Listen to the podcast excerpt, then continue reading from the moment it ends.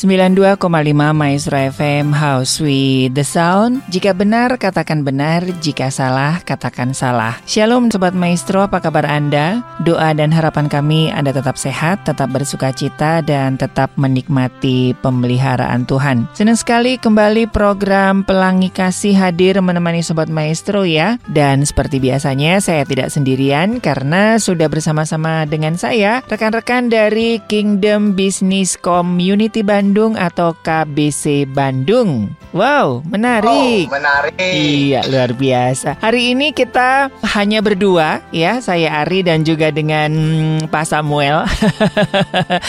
nah, sobat maestro, ini memang sangat penting sekali yang namanya manajemen keuangan. Nah, manajemen ini kan sebuah seni Manajemen keuangan bisa diartikan sebagai seni pengaturan keuangan yang lebih fleksibel dan tertata, tidak harus kaku, tetapi dipastikan bisa mendapatkan hasil pengelolaan yang baik. Dan sebuah keluarga ini kan ada suami, ada istri, ada anak-anak juga yang tentunya juga memiliki pola dan pengaturan keuangan yang berbeda. Nah, kalau ini tidak disinkronkan, ini bisa menjadi sesuatu yang buruk begitu ya. Nah, nanti seperti apa Mau cinta tanpa uang atau cinta akan uang? Nah, Anda pilih yang mana? Sudah ada bersama saya Bapak Samuel dari Kingdom Business Community Bandung. Pak Samuel, cinta akan uang atau cinta tanpa uang. Nah, ini sesuatu yang sangat menarik di Pak Samuel. Oke, saya akan coba berbagi ya. Iya. Jadi tidak mengajar saya bahwa saya lebih pintar atau lebih lebih hebat dari rekan-rekan di Radio Maestro, tetapi kita mau sharing bersama-sama belajar dalam program ini di mana kita selalu mengedukasi untuk kita sama-sama mm-hmm. belajar. Iya. Ya. Jadi statement yang tadi Pak Ari bilang, cinta akan uang itu kita udah tahu itu salah ya hmm. karena akan membawa kepada keserakahan. Orang yang cinta uang itu akan terjerat kepada berbagai macam percobaan seperti yeah. itu. Karena kalau orang cinta uang dia akan menghalalkan segala cara untuk mencapai sesuatu yang baik. Tapi cinta tanpa uang dalam keluarga itu juga susah. Susah. Jadi dua-dua dua-duanya nggak bisa dipilih ya? Nggak boleh, nggak bisa. Kita harus mencari yang paling tepat. Oke, tapi sebelum bahas ini Pak, ini kan sering kali saya dengar ya dari orang tua, udahlah nanti mah uh, rezeki mah ada aja berkat pernikahan itu ada aja begitu kan? Apakah ini masih relevan Pak untuk masa-masa modern seperti sekarang Pak? Menikah hanya ya. bermodal cinta tanpa bermodal uang Pak? Kira-kira make sense nggak? Ya kalau menurut saya sih sebenarnya berkat itu ada daripada yeah. Tuhan. Cuma kita harus tahu bahwa apa yang dikatakan berkat itu tidak bersifat iman pasif ya, mm-hmm. tetapi bersifat iman aktif. Artinya ada bagian Tuhan dan bagian kita yang memang kita harus lakukan, Pak Ari. Jadi misalnya kita tidak hanya bermodalkan iman pasif, Tuhan pasti cukupkan. Iya. Tetapi yeah. yang Tuhan mau adalah iman yang aktif, di mana rezeki itu memang dari Tuhan tetapi seperti kita pernah belajar bahwa rezeki itu harus dijemput lewat apa? Lewat kapasitas ya, eh, ability kita, kemampuan kita digabungkan dengan personal value yang kita punya. Nah, mm -hmm. ketika dua hal ini digabungkan itu akan membuat satu kekuatan untuk menjemput rezeki yang Tuhan berikan gitu, Pak. Iya. Yeah. Jadi di dalam keluarga mereka harus juga menghitung hal-hal yang seperti barusan saya katakan, Pak. Mm -hmm, Jadi memang ini sesuatu yang sangat menarik ya dari Pak Samuel ya. Cinta akan uang itu salah karena akan membawa kita terjebak pada keserakahan. Cinta tanpa uang juga susah ya. Seperti kemarin beberapa kisah begitu ya sampai harus mengaborsi anaknya, sampai anaknya juga nggak bisa ngelanjutin sekolah dan ya karena kan segala sesuatunya sekarang pakai uang juga ya Pak ya, nggak pakai cinta ya Pak ya. Saya pernah, saya pernah mm -hmm. uh, menemukan satu keluarga ya ini yang yeah. memang di dalam area konflik keluarga itu salah satunya banyak kan konflik yang terjadi itu perbedaan filsafat hidup, perbedaan mm. ungkapan perhatian waktu bersama dengan keluarga tapi salah satu yang paling tinggi itu menurut survei itu adalah masalah keuangan keluarga. Uang, yeah. Saya waktu itu menemukan satu keluarga dia bilang saya cinta sama istri saya, istri saya baik banget, tetapi karena keuangannya tidak termanajemen dengan baik, dia nggak mampu bayar kontrakan ujungnya apa berantem mm-hmm. kenapa yeah. karena bingung mau mau gimana saya bayar kontrak sudah diusir gitu ya. Betul, betul. Nah, mereka bilang saya cinta, tapi ketika harus bayar kontrakan tidak bisa bilang saya lagi cinta sama istri, nggak bisa. Tetap harus pakai uang.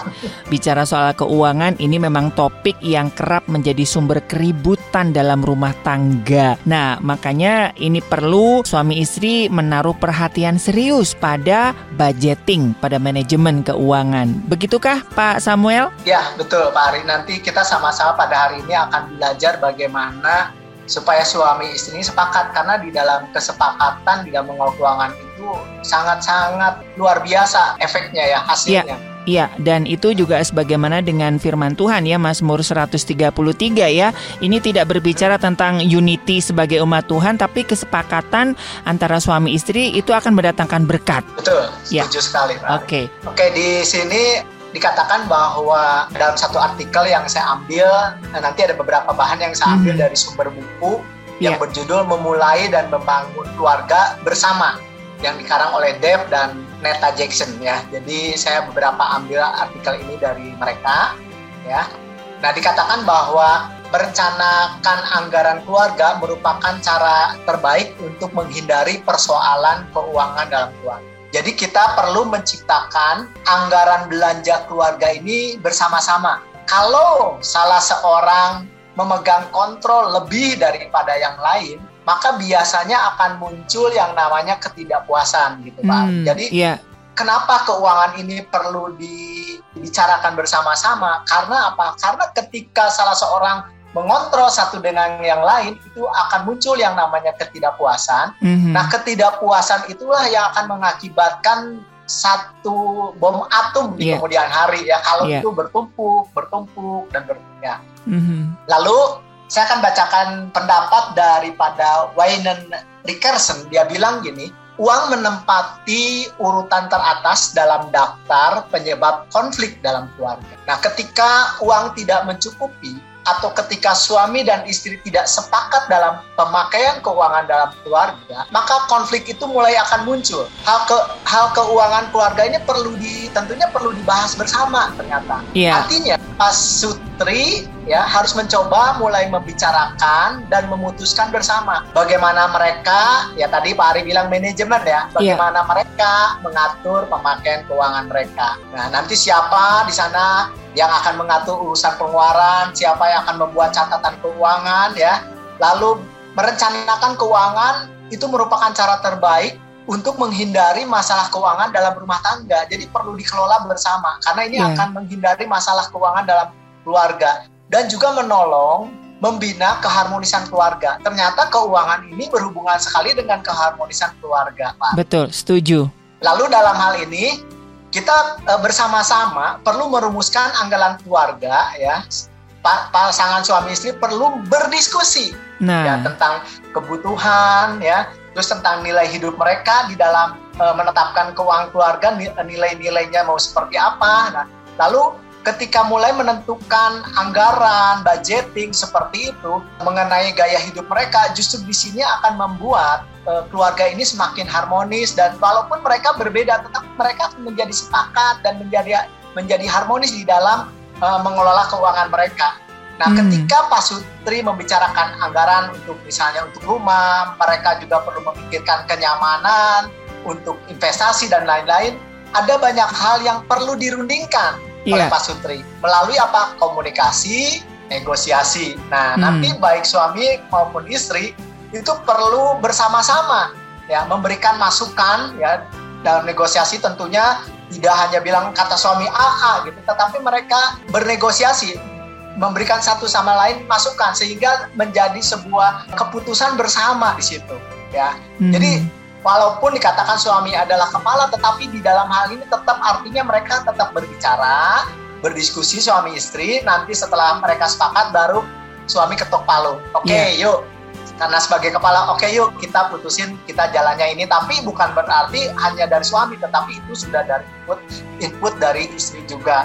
Nah, akhirnya membuat apa? Uh, dua belah pihak itu tidak dikontrol, mm-hmm. tidak ada yang lebih besar mengontrol sehingga mereka sama-sama puas di dalam mengelola keuangan gitu Pak. Ya, nah kira-kira apa aja nih Pak Samuel yang harus dikomunikasikan nih dalam membentuk satu kesepakatan nih karena kan uh, suami dan istri memiliki konsep yang berbeda, memiliki tipikal pengaturan keuangan yang berbeda begitu ya. Apa saja ya. nih kira-kira yang bisa menjadi acuan nih bagi sobat maestro untuk membicarakan keuangan keluarga karena ini kan sesuatu yang sensitif ya Pak ya sekalipun hanya dengan suami istri begitu kan? Betul sekali. Nah, hmm. sobat-sobat maestro, bahwa keluarga ini ketika kita merit kan tentunya diawali dasar cinta ya. Ya. Dasar cinta dan kasih ya. Kasih yang dari Tuhan seperti itu. Nah, namun eh, ketika kita hanya sekedar oh saya membangun keluarga dengan cinta dan kasih tapi tidak di apa diaplikasikan di dalam hal-hal sederhana itu mm-hmm. biasanya bingung yeah. me, apa, mewujudkannya. Nah, karena kenapa? Kalau saya lihat mereka ketika menikah itu mereka rata-rata mereka di kalau misalnya di sebelum merit itu di training dulu lah seperti itu mereka rata-rata mereka e, berdasarkan mereka saling kasih, saling mencintai dan akhirnya mereka kalau Kristen diberkati, mungkin kalau yang lain uh, di penghulu atau apa ya seperti mm -hmm, itu. Mm -hmm. Nah, tetapi kenapa setelah mereka uh, merit dan dasarnya sudah benar kasih dan cinta tetapi ada banyak keluarga yang pecah cerai ya. itu karena masalah keuangan. Nah, oleh karena itu ini menjadi sesuatu yang penting. Jadi dasar cinta ini juga harus diaplikasikan gimana sih cinta yang sebenarnya yaitu berkomunikasi dengan apa? Dengan di mana kita mulai mendiskusikan supaya punya persepsi yang sama iya. tentang yeah. uang di dalam suatu keluarga, Pak Ari. Mm -hmm. Nah, apa saja yang harus dikomunikasikannya nih? Nah, ini yang tadi pertanyaan Pak, Ari, Pak Ari ya. Yeah. Nah, sebelum masuk ke sana, saya ingin uh, memberikan satu gambaran bahwa suami istri di dalam mengelola keuangan itu seperti dua sisi mata uang. Mm -hmm. Kenapa dua sisi mata uang? Karena apa? kita di kalau kita lihat dua sisi mata uang gambarnya beda ya antara Betul. Uh, dan yang kanan ya. Mm-hmm. Tetapi mereka nggak bisa dipisahin. Jadi gambarnya berbeda. Namun tidak bisa dipisahin. Kalau Pak Ari punya uang, dipisahin tuh, dipotong, jadi nggak laku kan. Uangnya jadi nggak berlaku karena karena dipisah antara hmm. gambar kiri dan gambar kanan yeah. ya seperti itu. Jadi suami istri ini dalam mengelola itu seperti dua sisi mata uang. Hmm. Gambarnya berbeda, namun tidak bisa dipisahkan. Nah saat dipisahkan jadi tidak ada nilainya gitu hmm. Pak Ari. Wah ini ini masuk juga dalam kejadian ya Pak ya dua jadi satu itu bener nih ya dalam keuangan ini juga ya masuk nih. Nah jadi artinya apa kalau kita memahami yang tadi ya seperti uh, dua menjadi satu itu mm -hmm kita wujudkan di dalam aplikasi itu sebenarnya wow sungguh-sungguh yeah, yeah. sebuah hal yang menarik yeah, ya. Betul betul. Saya dibukakan loh hari ini Pak dengan dua mata uang ini. Nah tadi kan perlu menyatukan persepsi. Iya. Yeah. Nah, Kenapa harus disatukan? Karena apa? Karena ketika kita merit, saya misalnya sama istri itu punya dua latar belakang yang berbeda. Betul. Ya kan? Latar belakang pertama, latar belakang keluarga dididik sangat berbeda sama hmm. keluarga masing-masing. Itu terbawa secara mental yeah. di dalam memakai keuangan. Terus yang kedua, karakter kita juga berbeda. Nanti kita akan lihat karakter apa nih rame yang di dalam keuangan ya, khususnya kan karakter banyak ya, tapi mm -hmm. kita karena bahas tentang keuangan, kita bahas tentang karakter keuangan. Yeah. Nah, kenapa harus disamakan persepsinya? Karena ada dua latar belakang yang berbeda, terus ada dua karakter yang berbeda. Sehingga kita tujuan menyamakan persepsi ini tujuannya adalah supaya dua orang yang berbeda ini bisa berjalan bersama di tengah perbedaan. Karena suami istri ini gini, ketika mereka berdua menjadi satu itu tidak dalam pengertian melebur uh, Pak Ari. Tetap saya pria dan akan pria, istri saya wanita dan tetap wanita gitu. Mm -hmm. Dia punya mm -hmm. karakter masing-masing. Ini perbedaan ini itu akan tetap bisa berjalan bersama ketika tadi ada satu persepsi yang sama kita yeah. lakukan. Nah, apa saja yang perlu? Yang pertama nih Pak Ari, yang paling penting kan gini, uh, kita sering bilang bahwa ayo sepakat, ayo mm. bersatu, itu clear ya. Iya. Yeah. Memang kita mau sepakat dan bersatu, tapi kan nggak nggak sesimpel itu gitu ya. Uh, perlu ada tahapan yang memang kita mau melakukannya yeah. di dalam hal langkah-langkah kecil ya Pak Ari. Untuk kita bisa mencapai kepada goal sepakat di dalam keluarga, itu yang pertama adalah perlunya dibina komunikasi yang baik artinya komunikasinya kata-katanya yang, yang tidak asertif tidak gitu ya Pak ya. Ini ya mm-hmm. kata-katanya lebih ke, ke arah gimana kalau kita ngobrol sama iya. seorang yeah. enak seperti itu. Dan yang paling penting lagi adalah jujur. Ya, nah, karena itu. kalau kata-katanya baik dan tidak jujur juga sama, karena ada yang kata-katanya bagus gitu, tidak uh -huh. Jujur tahu bahwa kita lagi dibohongin ya. Mm-hmm. Mm-hmm. Nah, tapi kalau kata-katanya kasar, jujur ya kadang-kadang jadi nggak baik juga. Bisa nggak nangkep kejujurannya, yang ada kesinggung duluan. Uh-uh. Jadi yang pertama ini perlu komunikasi nih suami yeah. istri secara baik dan jujur ya. Diskusi nih sama suami istri gimana sih mau uh, seperti apa seperti itu negosiasi untuk mencapai tentu yang kita inginkan adalah win-win solution ya karena ada perbedaan dua karakter yang berbeda latar belakang itu. Nah, ketika komunikasi baik dan jujur ini terjadi, sepakat nggak? Belum, hmm. belum sepakat. Yeah. Justru di situ akan mulai muncul tahap yang kedua, muncul mulai saling percaya. Nah, akibat dari saling percaya ini mulai mereka akan saling terbuka tidak pernah ada yang disembunyikan ya karena yeah. apa ketika mereka terbuka ya karena udah saling percaya ketika mereka salah pun tidak akan dihakimi mereka Betul. akan kembali berdiskusi berkomunikasi nah akhirnya goal untuk meraih kesepakatan itu bisa terjadi gitu Pak Ari. Nah setelah mendapatkan uh, kata sepakat dan mendapatkan kepercayaan apakah ada level lagi nih Pak yang mesti dilanjutkan nih. Apakah selesai di dua titik itu Pak sepakat ini sebenarnya goal ya, goal di mana kita nanti berproses. Nah, tapi hmm. yang kita bahas ini adalah yang lebih akan ditekankan itu bicara komunikasinya karena ini lumayan panjang nih yeah, Pak Iya, iya. Untuk kesepakatan ini kan. Betul. Nah, tadi kan komunikasi di dalam keuangan. Apa sih yang harus dikomunikasikan secara terbuka dan sepakat di dalam keuangan ya Pak Ari ya? Hmm, hmm. Yang pertama nih Pak Ari, itu mereka suami istri itu harus uh, membicarakan tujuan keuangan mereka Iya. Suami dan istri belajar tentang keuangan, terus mereka menetapkan tujuan keuangan mereka untuk apa ke depan, jangka pendeknya, mungkin kalau ada jangka menengah, bahkan sampai jangka panjang. Terus uh, tuju ketika mereka tahu juga uh, tentang uh, budgeting tadi ya, sehingga mendapatkan jangka pendek, jangka menengah, dan jangka panjang.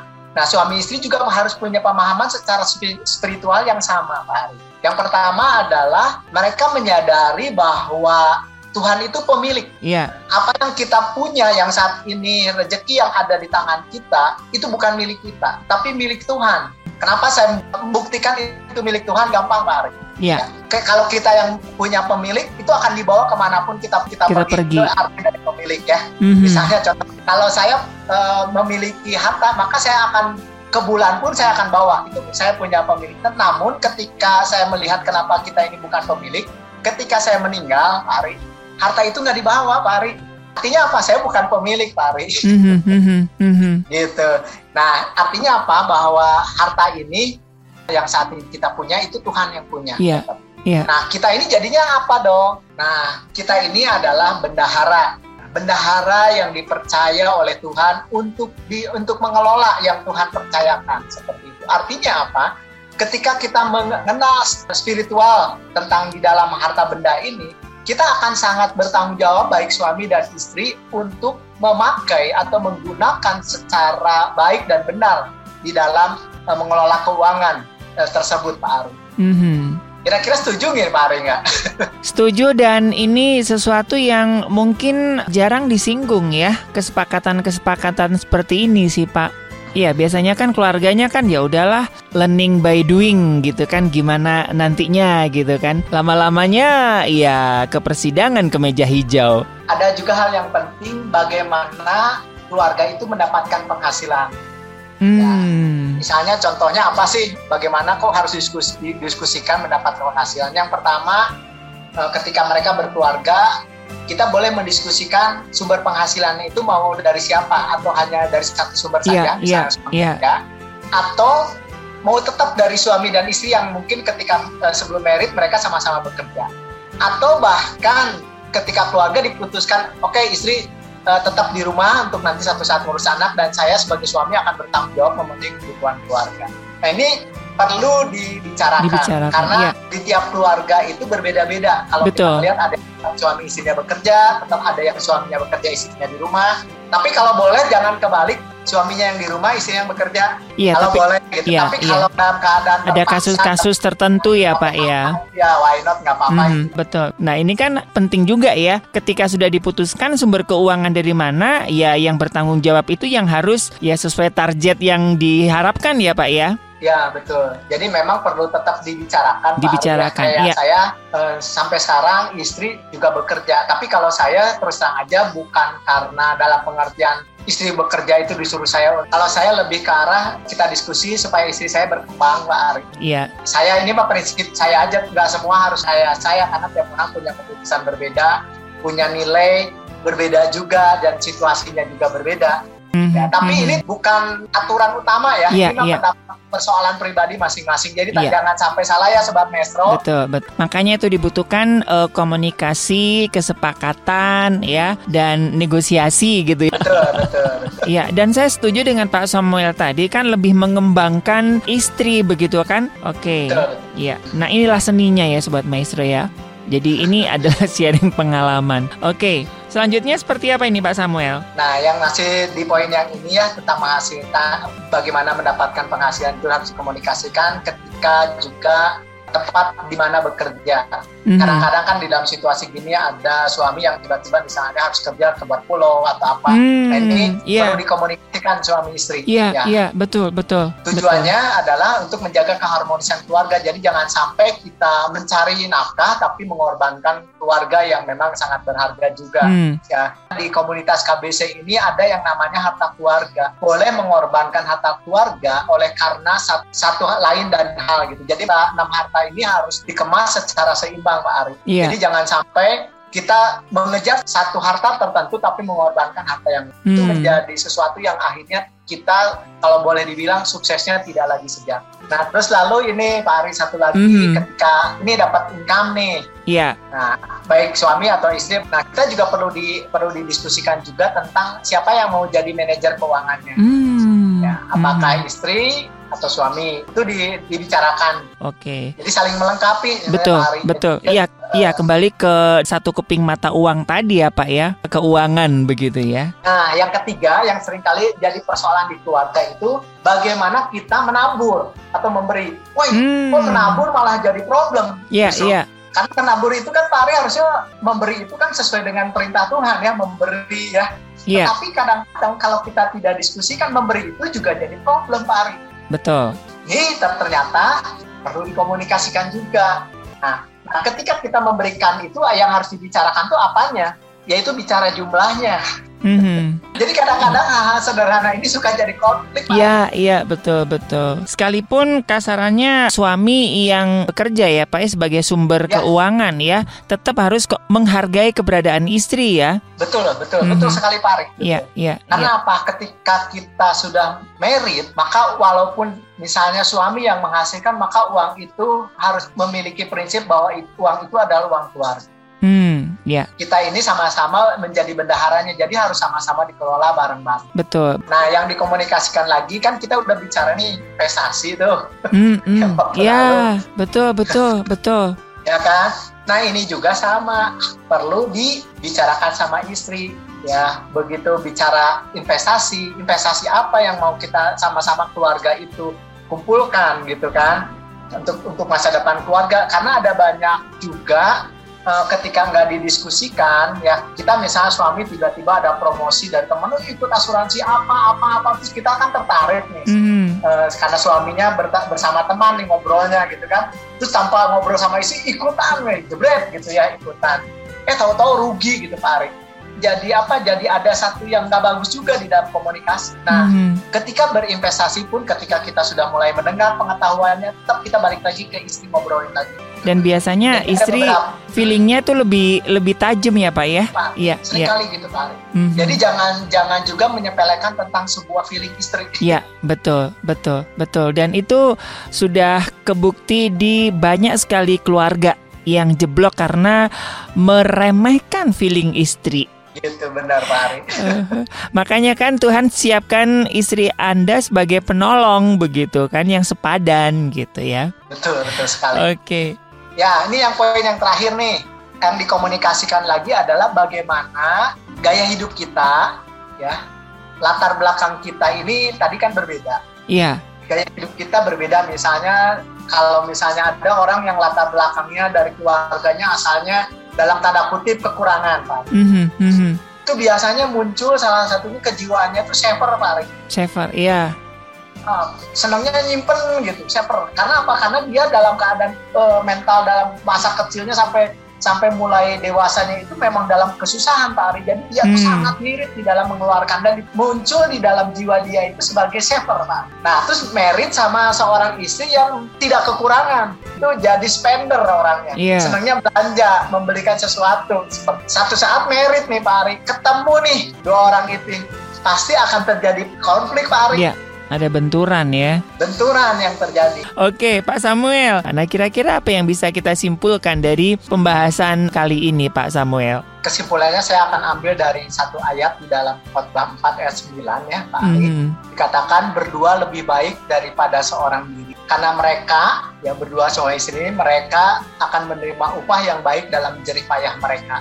Lalu di dalam Matius 18 ayat 19 dan lagi aku berkata kepadamu jika dua orang dua orang itu suami istri daripadamu di dunia ini sepakat meminta apa pun juga permintaan mereka itu akan dikabulkan oleh Bapakmu yang di surga. Jadi ternyata kesepakatan suami istri itu powerful, Pak. Yeah. Jadi jangan sampai abaikan kesepakatan suami istri ini. Dan ini harus dibina lewat tadi komunikasi secara jujur, keterbukaan, ya akhirnya menimbulkan yang namanya kesepakatan. Pak. Hmm. Terima kasih gitu aja Pak Ari hmm. uh, closing statement dari saya. Oke, iya semoga ini bisa menginspirasi Anda ya pasangan suami istri ataupun buat Anda yang uh, sedang dalam tahap pacaran ini penting sekali ya dalam sebuah keluarga yang mungkin kita anggap ah gampang ternyata justru inilah yang nantinya bisa menimbulkan bom atom dalam sebuah keluarga. Sekali lagi Pak Samuel terima kasih. Ya sama-sama Pak Ari.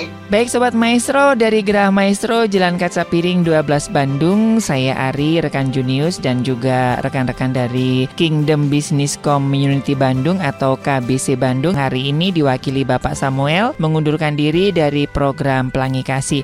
Semoga program ini bisa menginspirasi kita untuk menjadi benar, menjadi besar dan menjadi berkat. Tetap jaga protokol kesehatan dan Tuhan memberkati.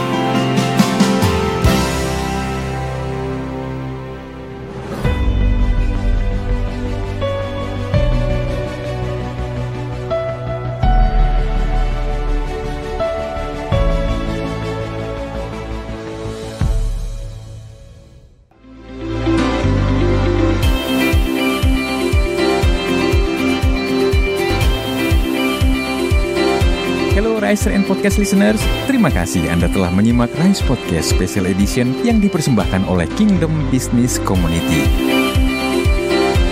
Harapan kami setiap episode Rise Podcast dapat menginspirasi Anda untuk terus mengalami transformasi dalam melakukan bisnis dan profesi Anda untuk tujuan yang mulia, membangun bisnis melalui manusia dan membangun manusia melalui bisnis. Kami mengajak setiap Anda dan perusahaan Anda untuk bergabung bersama kami dalam komunitas Kingdom Business Community. Secara bersama, kita bisa bertumbuh, berkembang, dan sukses, serta dapat berkolaborasi dalam gerakan kepedulian kepada sesama untuk Indonesia yang lebih baik. Untuk dapat bergabung, silahkan kunjungi website Kingdom Business Community di www.kbc.or.id atau hubungi Sekretariat Nasional KBC di 0817 131 257. Sekali lagi www.kbc.or.id. Rise Podcast Kingdom Business Community. We podcast with heart. Sampai jumpa.